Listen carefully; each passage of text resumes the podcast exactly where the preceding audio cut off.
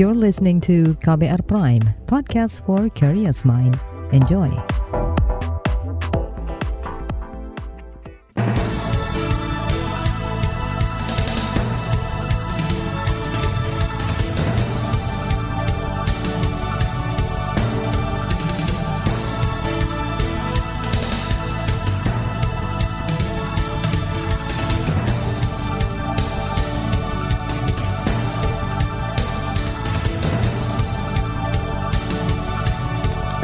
Saudara, senang sekali kami bisa menjumpai Anda melalui program Buletin Pagi edisi Kamis 22 Desember 2022.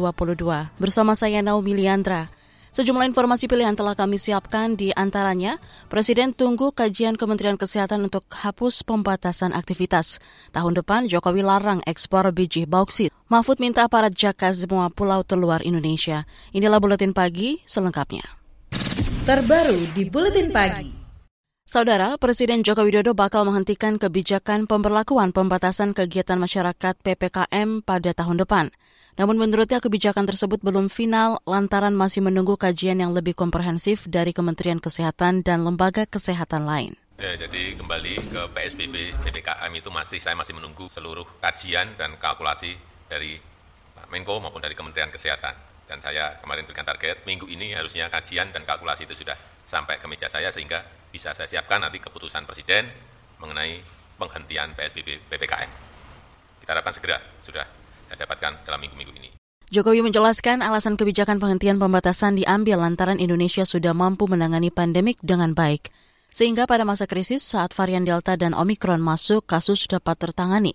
Kendati demikian, hingga libur Natal dan Tahun Baru nanti pembatasan masih akan berlaku seperti biasa. Sementara itu, Menteri Koordinator Bidang Perekonomian sekaligus Ketua Komite Penanganan COVID-19 dan Pemulihan Ekonomi Nasional, Erlangga Hartarto menjelaskan, saat ini Indonesia memang telah memasuki fase endemik. Hal ini ditandai dengan melandainya kasus dan jumlah kesembuhan yang terus meningkat pesat. Artinya berdasarkan kriteria dari WHO di level 1, dan itu sudah 12 bulan. Artinya secara negara sebetulnya kita sudah masuk eh, pandeminya sudah berubah menjadi endemi dan ini sudah level 1 dan terakhir kan kita semua di bawah 2000 orang. Ketua KPCPEN Airlangga menambahkan saat ini seluruh persiapan untuk menuju fase endemi COVID-19 sedang dilakukan oleh pemerintah. Di antaranya rencana untuk menghapuskan kebijakan pemberlakuan pembatasan kegiatan masyarakat PPKM. Selain itu, kata Erlangga, saat ini Kementerian Kesehatan juga akan melakukan sero survei untuk mengetahui sejauh mana kekebalan komunitas atau herd immunity masyarakat terhadap virus COVID-19. Saudara, rencana penghapusan pembatasan juga mendapat dukungan dari parlemen. Anggota Komisi Kesehatan DPR Rahmat Handoyo meyakini bahwa rencana pemerintah menghapus kebijakan pemberlakuan pembatasan kegiatan masyarakat PPKM sudah didasarkan berbagai kajian dan pertimbangan. Meski begitu, ia memberikan sejumlah catatan untuk pemerintah dan masyarakat agar tetap berhati-hati dan tidak menyepelekan COVID-19 pada akhirnya nanti akan cabut, bukan berarti bahwa PPKM dicabut atau dihentikan itu bukan berarti kita bebas gitu. Tetap kita melakukan satu aktivitas dengan penuh tanggung jawab. Artinya penuh tanggung jawab ya kita tidak, tidak perlu berlebihan, apalagi menganggap COVID sudah tidak ada, bahwa COVID sudah tidak mematikan itu salah. Ya saya kira dual tadi saya kira ya tetap protokol kesehatan dan kepada masyarakat yang belum divaksin booster saya kira ya kita harus sampaikan agar e, memperkuat tubuhnya. Anggota DPR Komisi Kesehatan Rahmat Handoyo juga menyebut masih adanya kemungkinan virus bermutasi menjadi varian-varian baru. Untuk itu vaksinasi booster yang saat ini belum mencapai 50 persen harus segera dikejar. Politikus PDI Perjuangan itu mendorong vaksinasi booster untuk kelompok rentan seperti lansia karena cakupannya masih sangat rendah. Selain itu, ia mendorong dan akan perilaku hidup sehat dengan memperlakukan protokol kesehatan tetap harus dijaga. Hal ini, kata dia, diperlukan sebagai bentuk pencegahan terhadap virus COVID maupun virus lainnya. Berbeda dengan DPR dan pemerintah, ahli epidemiologi dari Universitas Griffith Australia Diki Budiman meminta untuk menunda rencana penghapusan kebijakan pemberlakuan pembatasan kegiatan masyarakat PPKM. Menurutnya, pemerintah masih harus melakukan kajian mendalam sebelum menghapus PPKM setidaknya sampai momen libur akhir tahun. Apalagi kata Diki, saat ini status COVID-19 di Indonesia memang terkendali, tapi penerapan testing, tracing, dan treatment 3T yang dijalankan oleh pemerintah masih terbilang lemah. Kalaupun PPKM ini misalnya mau dicabut, saya kira ya tunggulah setelah Nataru. Nanti kita akan lihat juga jangan lupakan ketika ini dicabut pastikan bahwa vaksinasi primer khususnya pada anak juga sudah meningkat. Ini yang masih BPR. Kemudian juga vaksinasi booster, eh, jangan di bawah 50 persen, harusnya setidaknya 50 persen lah ya. Dan itu bukan hanya di lansia, tapi juga termasuk pekerja kesehatan ya, atau komorbid yang masuk dalam kategori risiko gitu. Epidemiolog Diki Budiman menekankan kepada pemerintah untuk menyiapkan model proteksi dan model imunitas yang baik di masyarakat sebelum memutuskan menghapus PPKM. Hal ini menurutnya bisa dicapai melalui peningkatan vaksinasi booster yang saat ini masih sekitar 29 persen. Kata dia, jika model proteksi vaksinasi ini tidak dicapai, maka akan mengakibatkan pengabaian-pengabaian di dalam masyarakat – Selain itu, Diki menambahkan pemerintah juga harus hati-hati dalam menyatakan status endemi. Ia menyebut Organisasi Kesehatan Dunia WHO hingga saat ini belum menyatakan bahwa status pandemi COVID-19 sudah berubah menjadi status endemi. Saudara, tahun depan pemerintah akan melarang ekspor biji bauksit setelah sebelumnya melarang biji nikel. Informasinya sesaat lagi, tetaplah di Buletin Pagi KBR. You're listening to KBR Pride, podcast for curious mind. Enjoy!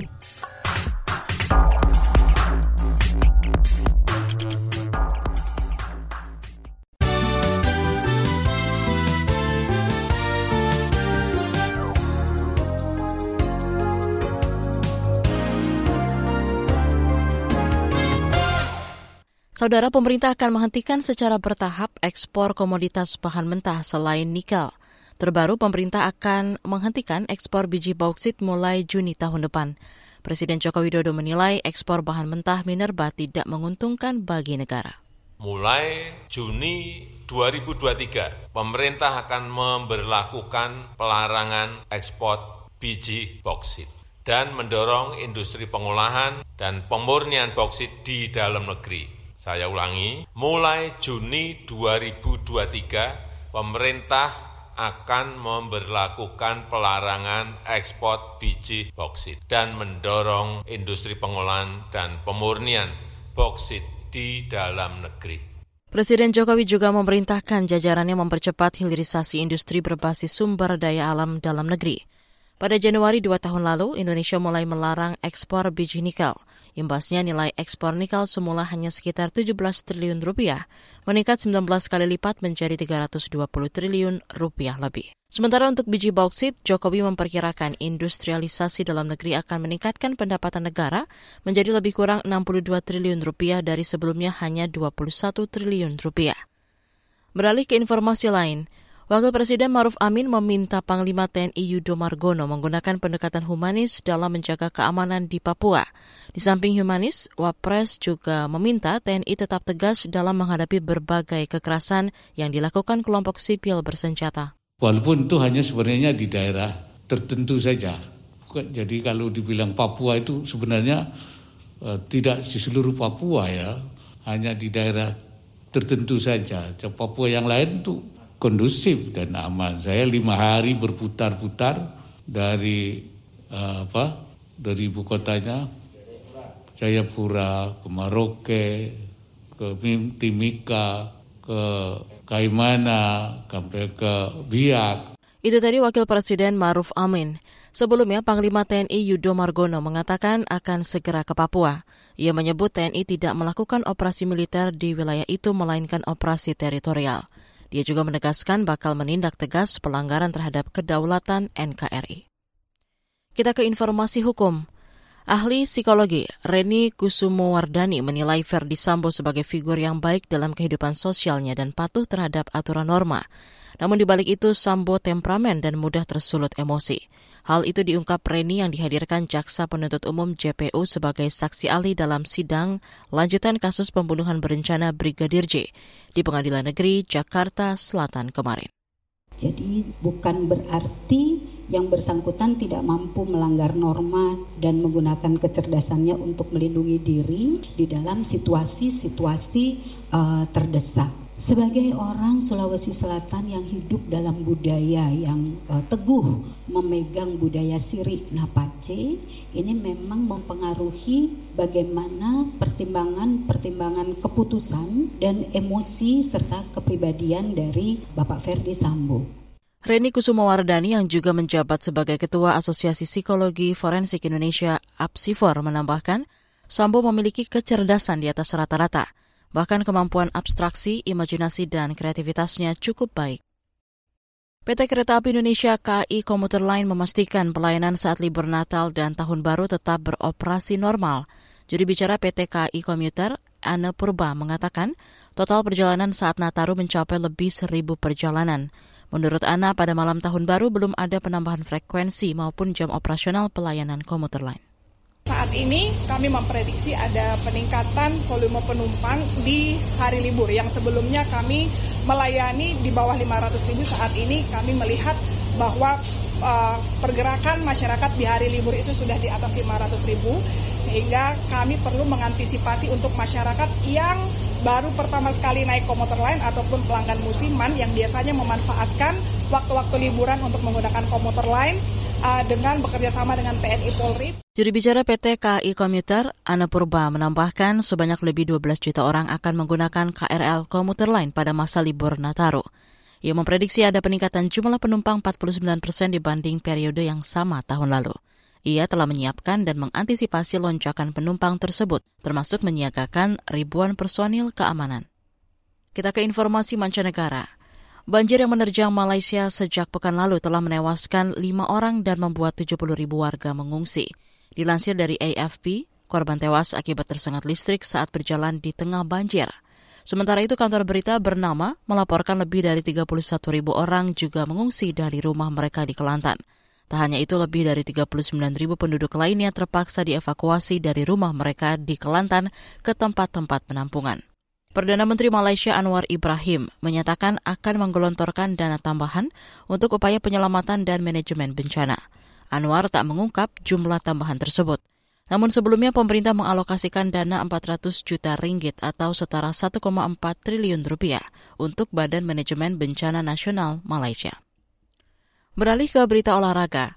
Timnas Malaysia menang 1-0 atas tuan rumah Myanmar dalam pertandingan pertama grup B Piala AFF 2022 di Stadion Tuna Yangon, Myanmar. Tampil di kandang sendiri, Myanmar mencoba memberikan perlawanan kepada Malaysia dengan menekan tim tamu. Meski demikian, Malaysia selalu bisa keluar dari tekanan tuan rumah. Gol yang ditunggu-tunggu Malaysia akhirnya tercipta pada menit ke-52 lewat tendangan Faisal Abdul Halim. Pada menit ke-90, Myanmar mendapatkan penalti setelah back Syahrul Nazim dianggap handball di kotak terlarang. Win Tun yang menjadi eksekutor menyia-nyiakan kesempatan Myanmar menyamakan kedudukan. Penalti bisa ditepis kiper Shihan Hazimi. Hasil ini membuat Malaysia berada di peringkat kedua klasemen sementara di bawah Vietnam yang bertengger di puncak grup B. Sementara Myanmar berada di urutan 4 di atas Laos yang berada di nomor buncit. Di bagian berikutnya kami hadirkan laporan khas KBR tentang mempertanyakan kerja tim PPHAM. Tetap di Buletin Pagi KBR. You're listening to KBR Pride, podcast for curious mind. Enjoy!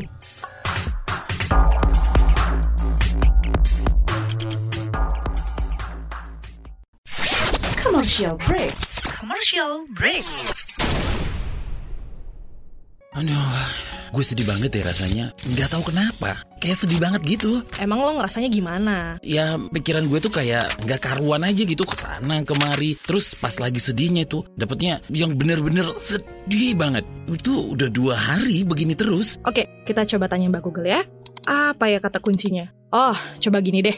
Ciri-ciri orang depresi. Gitu kali ya. Wah, nemu nih. Ciri-cirinya sama banget kayak lo nih. Jadi katanya nih kalau lo sedih dua hari itu Disko, diskusi psikologi. Hello Warriors, gue Kevin di podcast Disko, diskusi psikologi persembahan Into the Light Indonesia. Hapus stigma, peduli sesama, sayangi jiwa.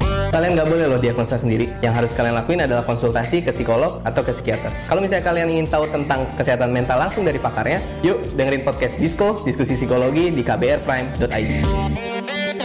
KBR Prime, podcast for curious mind.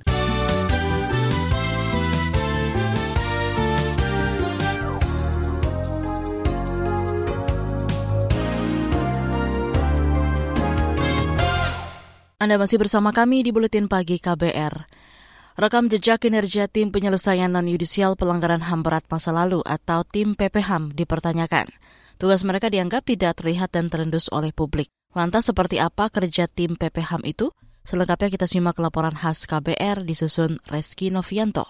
Saudara Presiden Joko Widodo membentuk tim penyelesaian non-yudisial pelanggaran HAM berat masa lalu atau PPHAM pada September lalu. Tim dibentuk melalui keputusan Presiden. Tim PPHAM bekerja hingga 31 Desember 2022 untuk mengkaji kasus-kasus HAM berat masa lalu yang bisa ditangani lewat jalur non-pengadilan atau non-yudisial. Ada 13 kasus pelanggaran HAM masa lalu yang resmi ditangani Komisi Nasional Hak Asasi Manusia atau Komnas HAM. Kasus-kasus itu adalah peristiwa Trisakti, Semanggi I dan Semanggi II yang terjadi pada 1998 hingga 1999, lalu kasus Mei 1998 dan Wasior 2001 hingga 2002, Wamena 2003, Kemudian ada juga peristiwa penghilangan orang secara paksa 1997 hingga 1998, kasus Talang Sari 1989, peristiwa 1965 hingga 1966, penembakan misterius 1982 hingga 1985, Jambu Kopok 2003, Simpang Kakak Aceh 1999, Rumah Gudong dan Pos Satis Aceh 1989,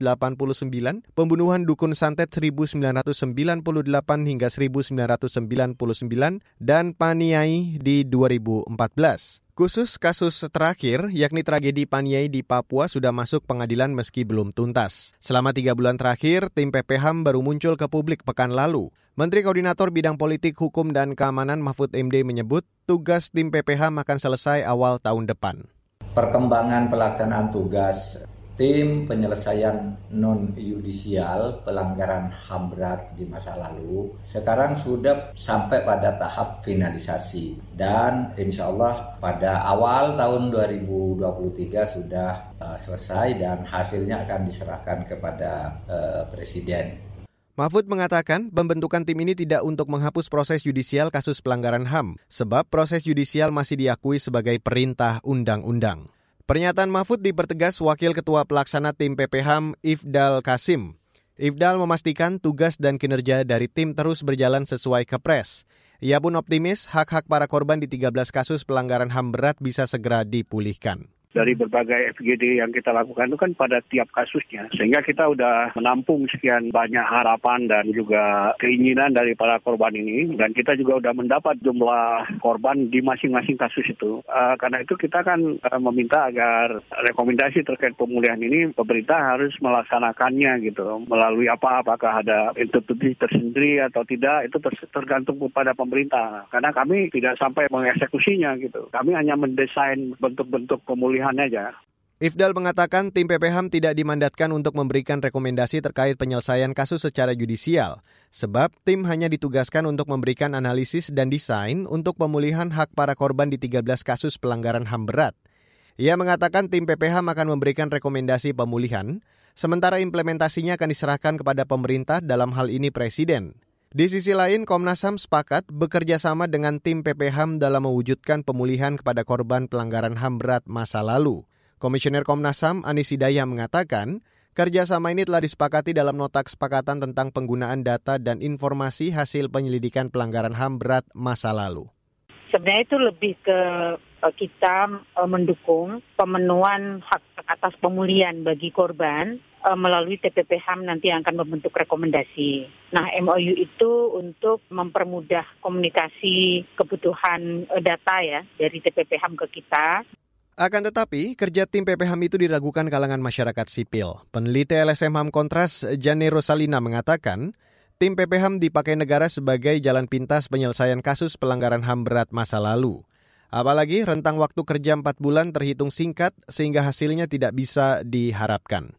Kerja-kerja yang sangat-sangat cepat, mengumpulkan data ke kelompok korban yang sangat-sangat sporadik tersebar dari berbagai daerah dengan kompleksitas isunya masing-masing itu tentu masa kerja tersebut akan menimbulkan konsekuensi yang buruk gitu terhadap perwujudan tugas tim PPH. Hmm. Apalagi tugasnya kalau kita lihat di pasal-pasalnya itu banyak sekali tugasnya gitu kayak pengungkapan kebenaran. Apa yang kita harapkan dari adanya pengungkapan kebenaran selama waktu 4 bulan gitu.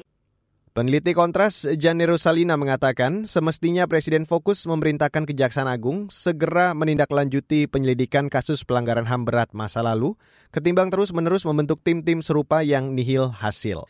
Demikian laporan khas KBR yang disusun Reski Novianto, saya Reski Mesanto. Informasi dari berbagai daerah akan hadir usai jeda. Tetap bersama Buletin Pagi KBR. You're listening to KBR Pride, podcast for curious mind. Enjoy!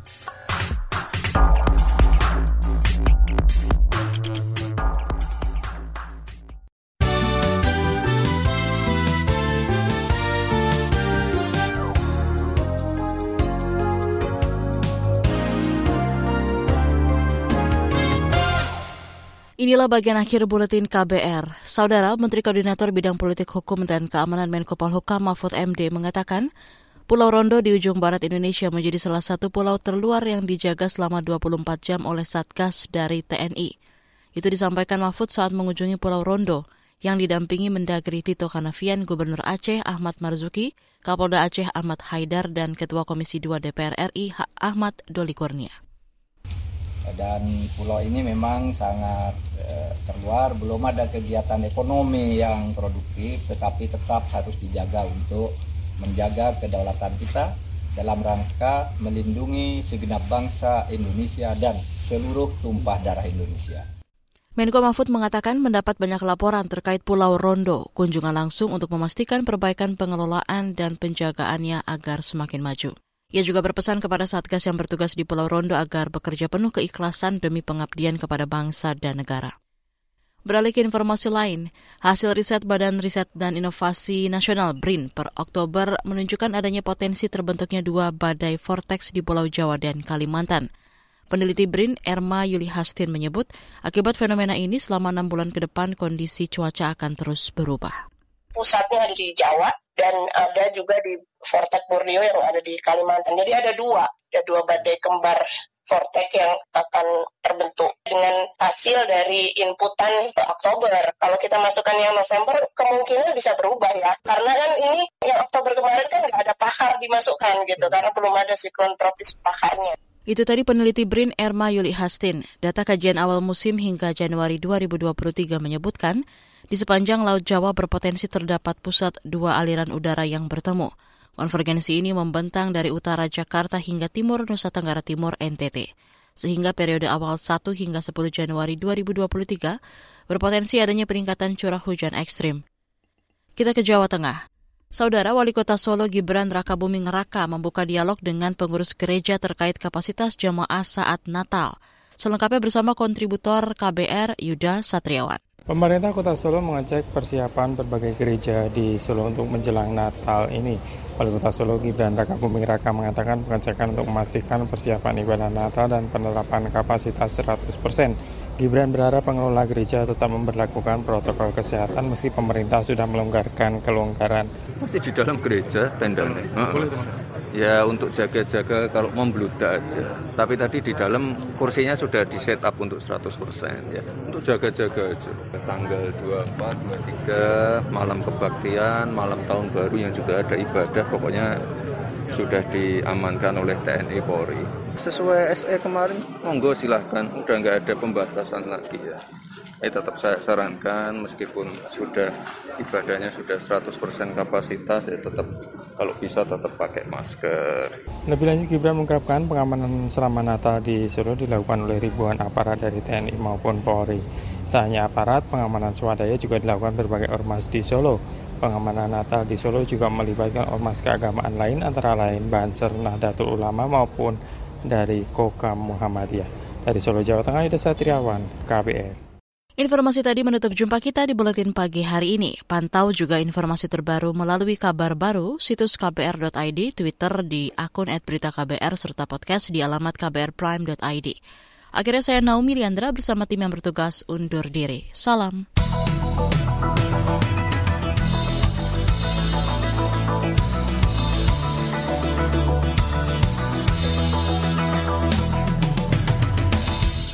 KBR Prime, cara asik mendengar berita.